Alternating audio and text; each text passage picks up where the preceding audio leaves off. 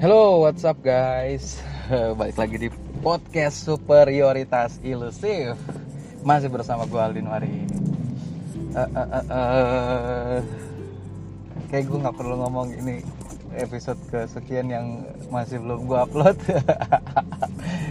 ah gila. Susah banget ya padahal kayak cuman beberapa menit doang gitu.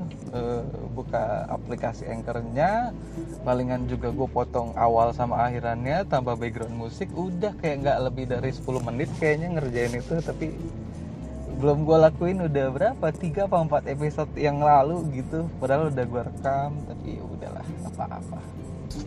Anyway uh, terakhir kayaknya gue bilang bahwa gue udah selesai berhasil mengadakan online course pertama tentang saham begitu.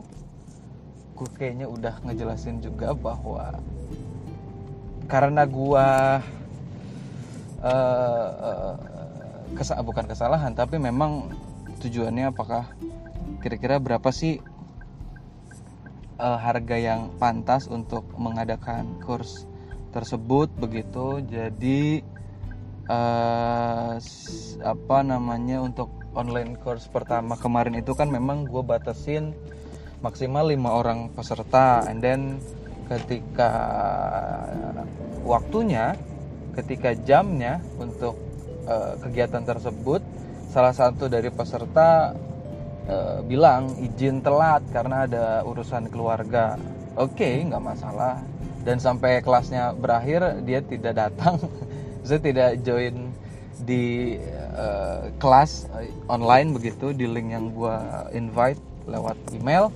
Ya udah akhirnya kita ber langsung berempat. Gitu berempat. Uh, kelasnya cukup cukup happy gue interaktif dan kayaknya memang uh, gua, apa namanya mudah-mudahan sih berguna karena sebelumnya tuh kayak gue uh, punya kekhawatiran apakah materi yang akan gue sampaikan ini apakah terlalu basic atau memang uh, bagi orang-orang yang memang belum pernah berkenalan atau bersinggungan dengan dunia investasi khususnya saham itu berguna. Eh ternyata kalau gue ngeliat responnya bahkan untuk teman-teman yang udah ikutan maksudnya udah punya saham udah udah terjun begitu untuk investasi nabung atau trading eh, itu masih masih merupakan inputan baru bagi mereka. Eh, dan ya udah akhirnya oke okay lah berarti gua gua putuskan untuk oke okay, ini basic materi yang perlu gua sampaikan. Kalau misalkan uh, di lain waktu gua ngadain kelas selanjutnya begitu atau batch selanjutnya. Nah dari empat peserta tadi kayak gue udah gue lupa deh gue cerita apa belum di eh, di episode sebelumnya. Pokoknya dari empat uh, apa peserta tadi kan memang di akhirnya gue bilang bahwa ini kelas ini udah selesai grup chat yang ada di DM Instagram itu akan gue hapus gua terus gua share nomor rekening gua. Kalau misalkan uh, mau bayar mohon uh, ke sini dan tolong konfirmasi. Nggak uh, masalah kalau teman-teman eh gue bilang intinya teman-teman bayar sesuai penilaian teman-teman kira-kira berapa sih harga dari apa yang udah teman-teman dapetin. Gue gituin. Bahkan di akhirnya tuh gue bilang kalaupun nggak mau bayar nggak apa-apa yang penting bilang maksudnya kayak biar gue nggak usah nunggu-nunggu gitu loh. Udah kan? Langsung tuh dua orang langsung bayar di ya beberapa menit setelah itulah langsung bayar 100 ribu dua orang gitu. Oh gue bilang oh, oke okay, 100 ribu. Cocok lah buat ke depannya kali. Atau gue maksudnya nggak terlalu jauh dari kisaran harga yang memang gue gue pengen putusin begitu. Kemudian udah tuh hanya dua orang doang dua lagi nggak ada kabar gitu kan? Oh ya udah nggak masalah. Karena memang resiko memang sengaja ada di gua. Karena gue sampaikan juga e, ketika di awal karena ini yang kelas pertama supaya nggak ada resiko e, bayarnya nanti setelah kelas aja. Terus gue juga pernah share juga di story bahwa gue nggak bisa bilang teman-teman akan jadi orang yang beruntung dengan mengikuti kelas ini. Tapi gue pastikan teman-teman bukan eh nggak akan rugi untuk ikutin kelas ini. Ya maksudnya nggak akan rugi karena ya dia bayar sesuai dengan yang dia mau dengan penilaian dia gitu kan. Which is nggak apa-apa sebenarnya kalau nggak bayar pun yang penting ada konfirmasi ke gue supaya ya apa ya uh, hubungannya masih oke okay lah. Maksudnya next dia mau nanya ke gue gue masih oke okay, gitu. Tapi kalau udah nggak ada apa ya kabur gitu aja nggak ada kabar gitu ya sorry tuh saya gue nggak akan ngeladenin juga gitu eh terus um, apa ya gue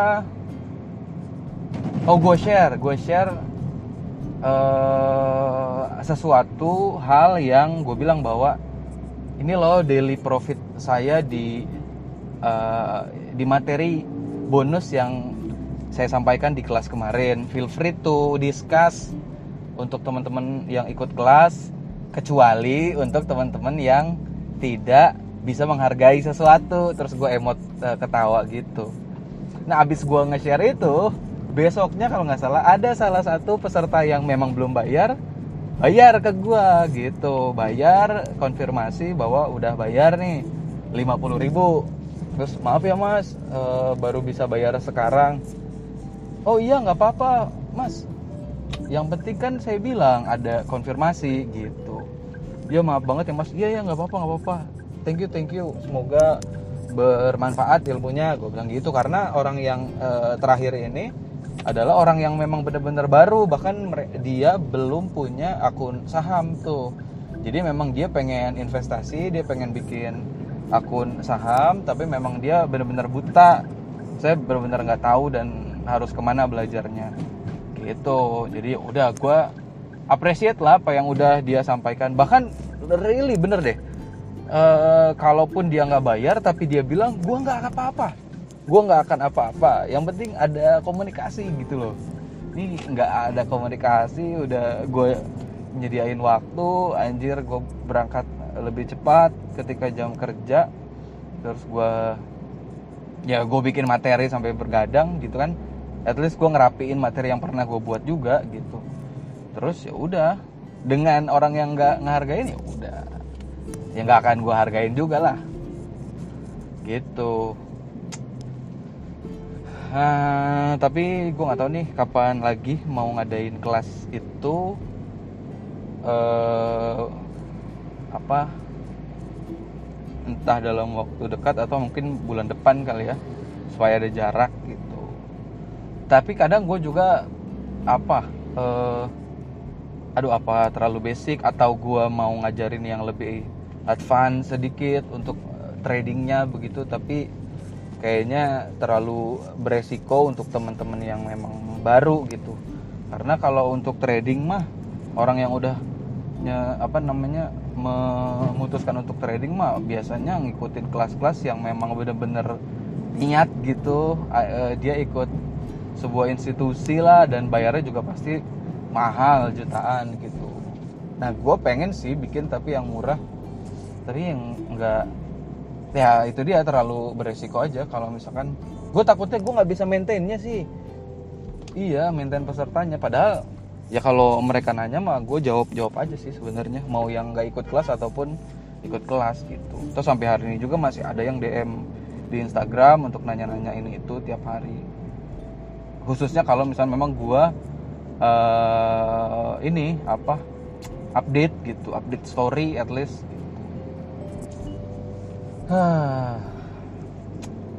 Oke. Okay. Oh ya, gue mau cerita perjalanan gue ada di kripto, uh, khususnya di DeFi. Uh, di beberapa episode sebelumnya gue pernah singgung mengenai cryptocurrency, and then gue juga pernah singgung mengenai DeFi itu apa. Sepanjang gue terjun ke dunia finansial, either apa eh, saham ataupun kripto atau emas atau apa pun itulah dunia investasi begitu. Nah, mungkin baru kemarin itu gue recap eh, gue dapat profit yang uh, menurut gue pribadi cukup memuaskan begitu dan patut disyukuri dan gue bersyukur terhadap apa yang udah gue lakuin dalam dua tahun terakhir. Khususnya beberapa bulan terakhir sih ketika gue terjun ke kripto bukan ke kripto tapi uh, awal tahun 2020 gue terjun ke kripto and then beberapa uh, bulan Agustus kalau nggak salah. Agustus September Oktober. Ya ya. Agustus gue uh, kenalan sama apa itu DeFi dan gue pelajarin dan put money on there gitu. Uh, awal uh, apa namanya waktu itu karena gua melihat dan itu ternyata salah. Tapi nggak apa sih. Ya belajar dari kesalahan. At least gue nggak merugikan siapa-siapa. Uh, jadi belajar dari kesalahan ketika itu gue duit gue di saham yang masih sedikit itu gue cash out dengan posisi gue rugi. Rugi sekitar 4 juta kalau nggak salah pokoknya let's say gue cash out dan ada 10 jutaan tapi biar uh, lurus biar biar genap begitu uh, lebihannya gue masukin rekening gue buat ya buat jajan buat makan gitu. 10 jutanya gue masukin ke kripto. Oke itu gue trading di bitcoin gitu. Itu juga sesuatu yang harus di bukan sesali tapi ya nggak tahu juga sih. Tapi enggak itu perjalanan lah karena kan harga bitcoin sekarang gila walaupun sehari ini turun 16% tuh harganya. Uh, uh, gue masukin ke crypto gue trading di bitcoin. Terus pas lagi trading nah itulah gue kenalan sama DeFi.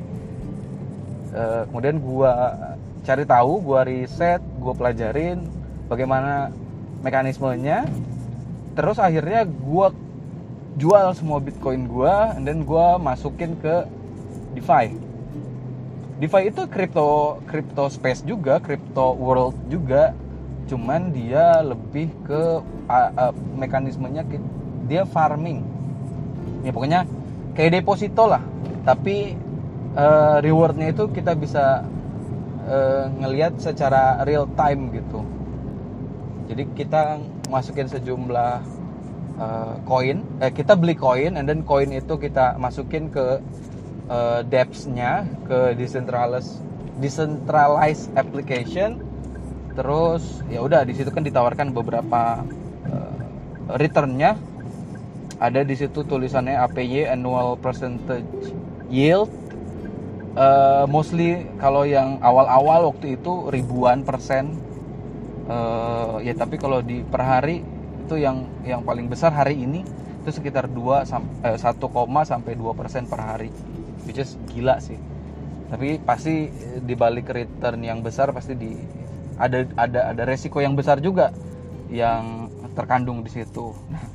Iya pastinya gue sudah pelajarin juga ya e, resikonya seperti apa begitu. Nah e, pokoknya gue masukin 10 juta ke situ. Ya perjalanan uh, profit and then loss and prof, uh, floating loss and salah ngambil keputusan loss lagi tapi masih terjaga modalnya dan sebagainya. Tas, terus kemarin per kemarin lah 20 berapa? 25 ya? 24 25 November. Gua coba untuk uh, eh 24 berarti 24 November. Gue coba untuk recap. Uh, pokoknya gue jual koinnya terus pindahin ke ada salah satu stable coin yang harganya hampir selalu sama dengan harga dolar.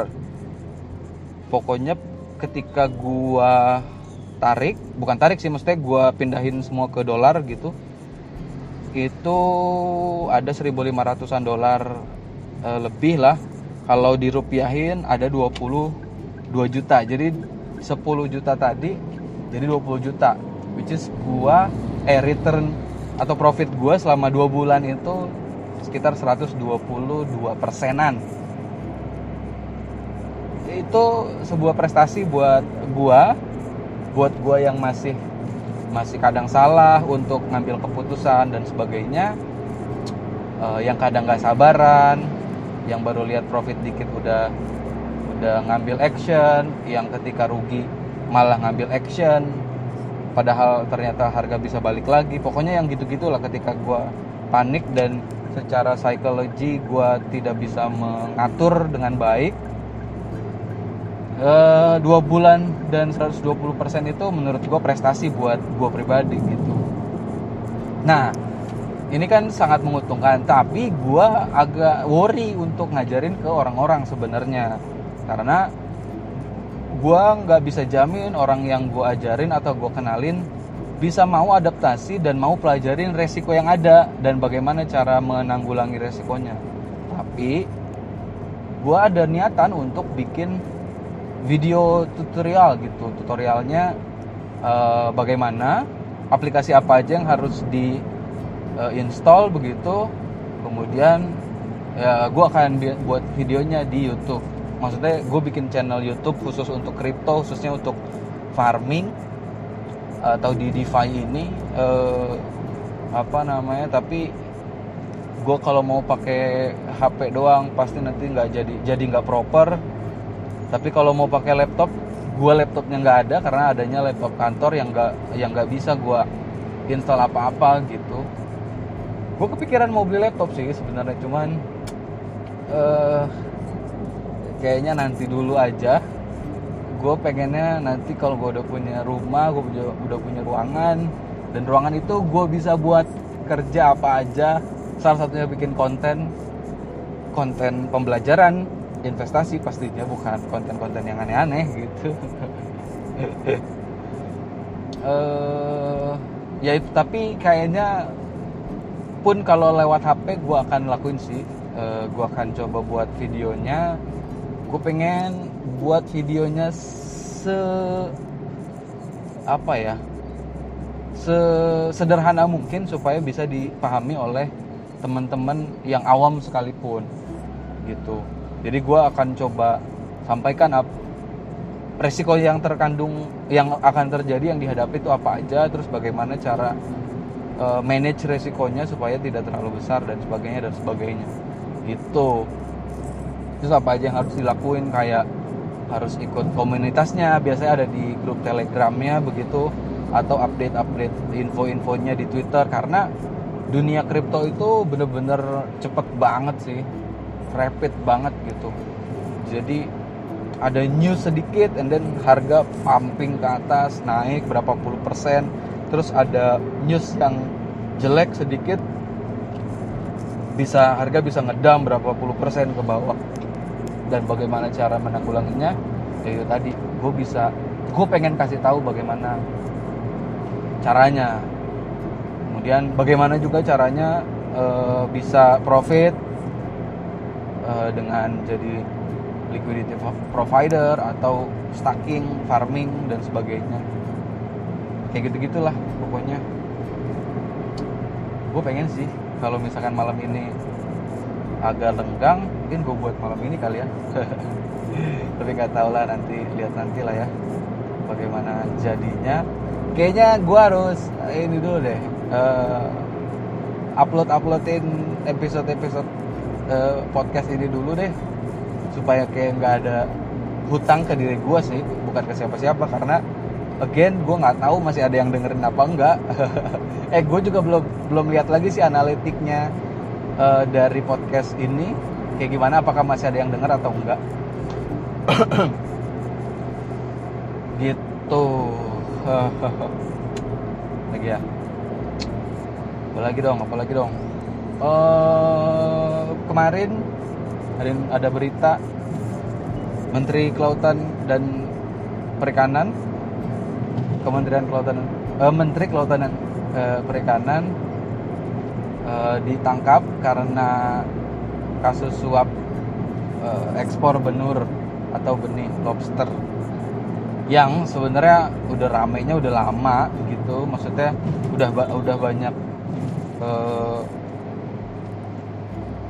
investigasi juga dari Tempo khususnya dari dari Tirto juga khususnya mengenai uh, ekspor benur atau benih lobster ini. Bahkan Menteri Kelautan sebelumnya Susi Susi Pujastuti juga udah nge, ngasih warning gitu bahwa ini bukan kebijakan yang baik begitu uh, akan menjadi pintu untuk korupsi dan sebagainya dan sebagainya. Bahkan hasil hasil uh, investigasi dari Tempo dan Tirto kalau nggak salah wah malah uh, pintu korupsinya itu eh bukan pintu maksudnya uh, yang terlibat itu udah udah multi partai gitu. Jadi kayak udah nggak kenal lagi uh, apa namanya bagian dari apakah ini kubu sini atau kubu sana. Ini udah udah nyampur.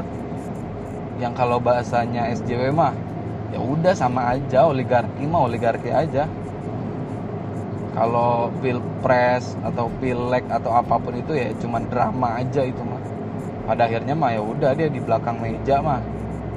Ya dia damai lagi bagi-bagi lagi siapa yang dapat apa siapa yang dapat apa. Yang mungkin pasti yang ber yang sedang berpuasa akan dapat porsi yang lebih gitu. Pokoknya sejak saat itu, sejak saat khususnya pilpres kemarin lah, gue udah benar-benar antipati lah sama hal-hal yang berbau politik mau kubu yang mana pun, mau kubu yang mana pun gitu. Ya udah sama aja, mau gimana dong? Ya musuhnya aja udah jadi menterinya gitu. Itu apalagi yang berantem yang di bawah aja. Tinggal coba-coba aja bikin icon baru bikin uh, superhero baru nanti buat diadu dengan superhero yang lain. Nanti terciptalah beberapa kubu atau dua kubu minimal. Dan rakyat berantem lagi di bawah. Ya udah gitu-gitu aja. Jadi kayak ya udahlah.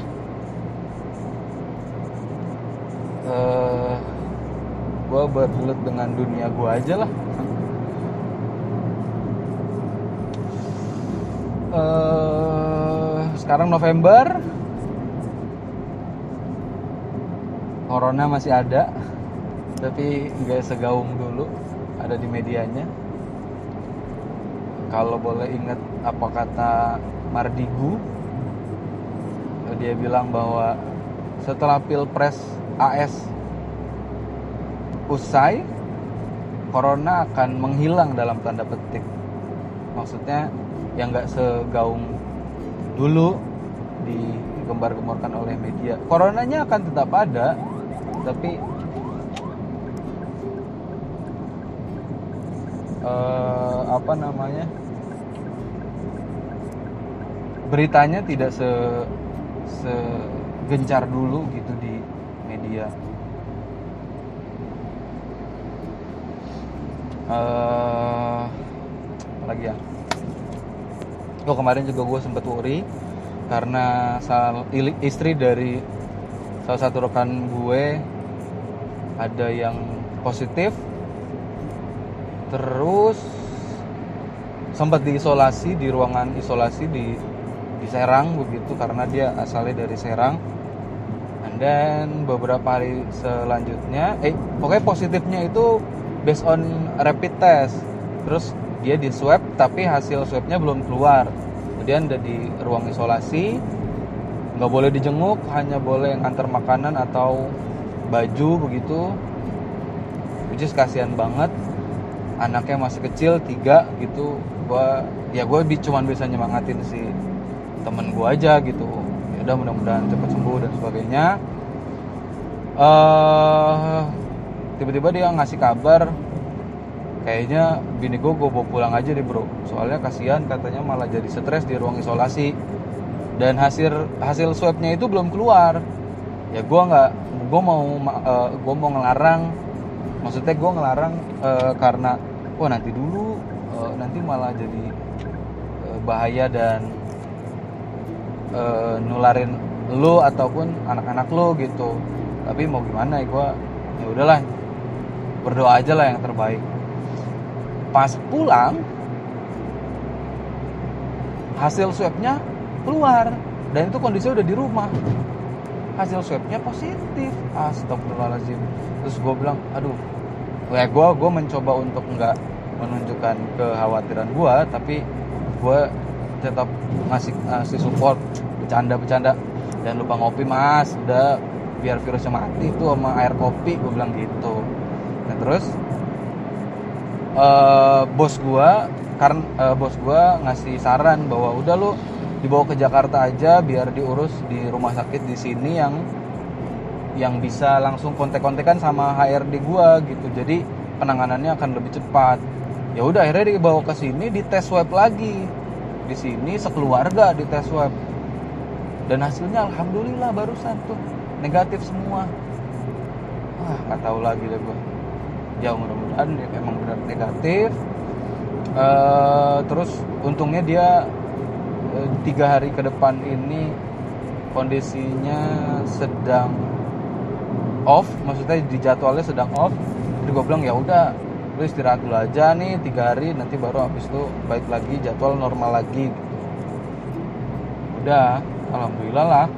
Jadinya nggak nggak nggak perlu repot-repot lagi. Masalah jadwal juga gue sama teman-teman yang lain. Gitu. Hari ini oh iya beberapa hari ini anak gue sakit eh, sempat panas kemarin. Jadi beberapa hari belakangan lah muntah terus terus muntah terus akhirnya mencret dan sebagainya. Tapi ya udah gue tadinya mau gue bawa ke rumah sakit tuh tadi pagi. Eh kemarin apa tadi pagi gitu. Bawa ke rumah sakit tapi gue ngeri. Aduh nih anak gue panas nanti disuruh aneh-aneh lagi tes swab apa segala macam ya walaupun mungkin kalau dari kacamata safety mah harus dilakuin ya. Tapi gue nggak tega aja gitu kalau misalnya ada apa-apa amit-amit gitu. Ya udah akhirnya eh, nggak tuh nggak gue bawa ke rumah sakit terus akhirnya di diobatin di rumah aja. Udah mulai keluar keringatnya dan sebagainya. Ya mudah-mudahan sih cepet sembuh. Anjir gue paling nggak bisa lah kalau anak gue sakit tuh. Mesti lemes aja jadinya guanya nggak tega namanya bocah ya. Tapi hebatnya anak gue tuh kayak dia nggak menunjukkan dia sedang sakit kayak rewel atau apa tuh dia enggak tapi tetap kelihatan dari matanya gitu matanya yang kalau bahasa Sunda mah celong gitu. Apa sih kayak it- ada item-itemnya gitu-gitu. Jadi agak dianya biasa pecicilan jadi kayak agak kurang semangat aja pecicilannya walaupun tetap masih ada pecicilan ya sih tapi agak kurang semangat aja Aduh, mana gua hari ini masuk malam kan Huh. Aduh. Nah, mudah-mudahan cepat sembuh lah. Amin. Amin, amin, amin. Eh, dan jadwal gua nanti bulan Desember wow banget itu karena jadi gua tuh ada ada empat lah ada empat leader di satu tempat kerja gua tuh ada empat leader dan kita shifting. Ya terus gua adalah angkatan pertama batch pertama yang yang pasti udah pernah ngikutin banyak training yang diadakan gitu. Nah tiga orang yang lain adalah angkatan-angkatan terakhir nih yang di tempat gua. Jadi untuk memenuhi mandatory training lah yang diadakan yang ditentukan oleh HRD gua jadi mereka harus ikut training nih di bulan ini di bulan Desember nanti.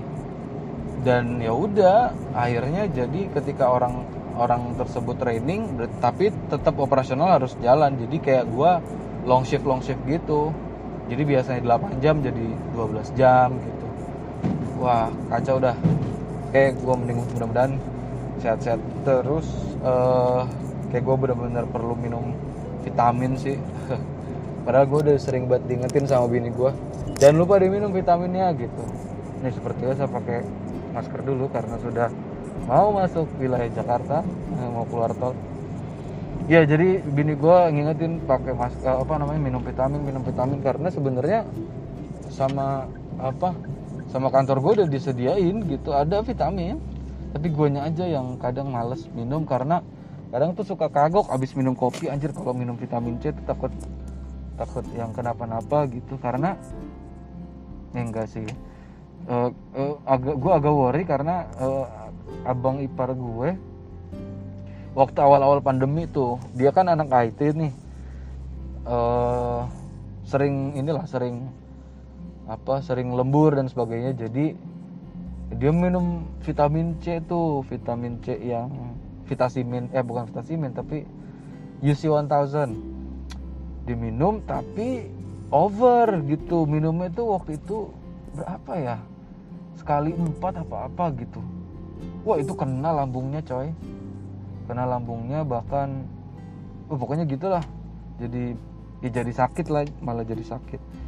Ya karena 10 mg itu besar banget dan dia langsung minumnya 4 asam pula kan jadi yang keserang lambungnya oke itu kayak gue agak worry juga tuh minum-minum vitamin C. Apalagi itu gue ngopi yang tiap hari gitu. Ngopi tiap hari ngop, kopi juga sifatnya kan asam. Kalau misalkan ditambah vitamin C yang asam juga itu takutnya itu tadi gue ada ada masalah di lambung gue jadi kadang gue suka agak worry aja mau minum vitamin C gitu. Tapi gue juga kadang nggak bisa kalau nggak minum kopi mungkin udah suges aja sih udah sugesti aja. Karena harusnya bisa-bisa aja sih. Ya tapi itu gue jadi nggak bisa minum atau agak worry minum vitamin C gara-gara gue nya yang ngopi tiap hari. Aduh.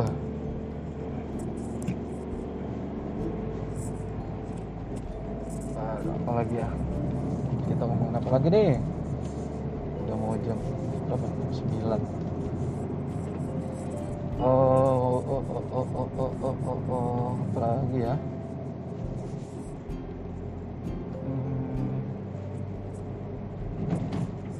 ya tadinya tuh kemarin dari dari sis uh, dari uang yang terakhir itu posisi gue di DeFi itu setengahnya gue mau cash out bukan maksudnya gue mau pindahin ke saham karena agak ini juga masa gue ngomongin saham tapi gue aja nggak punya sih. Padahal punya padahal bini gue punya. Karena kan kemarin kita tuh buat challenge gitu. Gue juga share tuh di di apa namanya di Instagram saham gue challenge eh, nabung 20 juta dalam 52 minggu. Jadi nabungnya itu tiap minggu tapi kis eh, nih nominalnya itu nggak sama. Jadi pokoknya ditotalin jadi 24 juta eh 20 juta terus ada empat ada 52 kotak. Jadi ada yang isinya 20 ribu ada yang 100 ribu ada yang 1 juta ada yang 500 ribu dan sebagainya dan sebagainya. Jadi nabung setiap minggu harus nabung setiap minggu eh, sesuai dengan kondisi uang yang ada. Jadi kayak kalau misalkan di minggu yang memang habis kita gajian berarti kita coretnya yang gede tuh. Misalnya yang sejuta atau yang 700 gitu. Tapi kalau misalkan misalkan di minggu ketiga nih mau tanggal-tanggal tua lah ya. Nah itu kita pilihnya yang 20 ribu atau yang 50 ribu gitu. Jadi eh, memaksa kita untuk terus nabung tiap bulan eh tiap minggu nah pokoknya itu targetnya 52 minggu dan 52 minggu itu satu tahun gitu. Jadi challenge-nya itu satu tahun nabung 20 juta. Nah kemarin karena ya karena gue udah pelajarin itu ya financial planning gitu terus gue juga udah belajarin investasi ngapain duitnya tuh cuman di di bank aja gitu. Jadi gue putuskan untuk ya udah bini gue gue suruh bikin akun saham. Jadi yang 20 juta tadi maksudnya yang akan targetnya nanti 20 juta ditabunginnya bukan ke rekening biasa tapi ke rekening saham. Jadi nanti duitnya dibeliin saham. Gue pengen lihat apakah ketika itu udah accomplish udah udah udah tercapai begitu si 52 minggu atau si 20 juta itu gue pengen lihat apakah hasilnya dari, jadi 20 juta atau lebih dari 20 juta? Harusnya lebih harusnya lebih. Kalau misalkan di bank malah berkurang karena ada biaya administrasi kan. Gitu. Oh jadi untuk sementara gue masukin saham di istri gue jadi kayak tiap minggu ada yang dicoret ada yang dicoret. Tapi kadang memang suka lupa gitu akhirnya dirapel ketika uh, uh, gajian jadi mana-mana aja nih yang dicoret yang 100 ribu yang 700 ribu yang 50 ribu dan sebagainya gitu-gitu. Eh sekarang kayaknya dibeliin sama istri gue dengan eh, gue yang suruh sih. Di saham Aces atau S Hardware Indonesia terus saham ICBP atau Indomie atau Indofood CBP ya pokoknya yang produsennya Indomie gitu. Sama Sido muncul ketiganya hanya Sido muncul yang dalam kondisi profit. Eh apa namanya? Pro, floating loss gitu. Tapi eh, tadi gue eh, apa namanya kan baru nabung lagi. Tadi mau beli saham Sido tapi nggak dapet karena ngantrinya terlalu bawah. Tapi kayaknya besok bisa lah. Gitu. Tapi ya pokoknya eh, gue nabung lewat istri gue gitu. Maksudnya programnya itu 52 minggu 20 juta tapi gue masukin ke saham gitu. Kita lihat nanti ketika sudah accomplish apakah 20 juta atau kurang dari 20 juta atau lebih dari 20 juta. Harapannya sih lebih dari 20 juta ya. Gitu. Pun kalau ternyata enggak atau gue sih rencananya kalaupun nanti sudah sudah komplis 52 minggu gitu gue akan ulang lagi dari awal. Jadi coretannya dihilangin lagi gitu. Itu ada kok uh, template-nya tuh ada di Instagram Big Alpha. Lu cari aja scroll ke bawah-bawah. Itu memang postingan udah lama sih.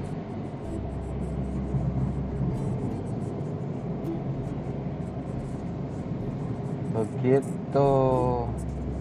Oh boleh tuh nanti gue masukin juga ke apa namanya ke materi kelas gue. Itu boleh. Tuh aduh udah jam 9 kurang. Gue nanti jam setengah 10 ada training mengenai apar atau alat pemadam api ringan.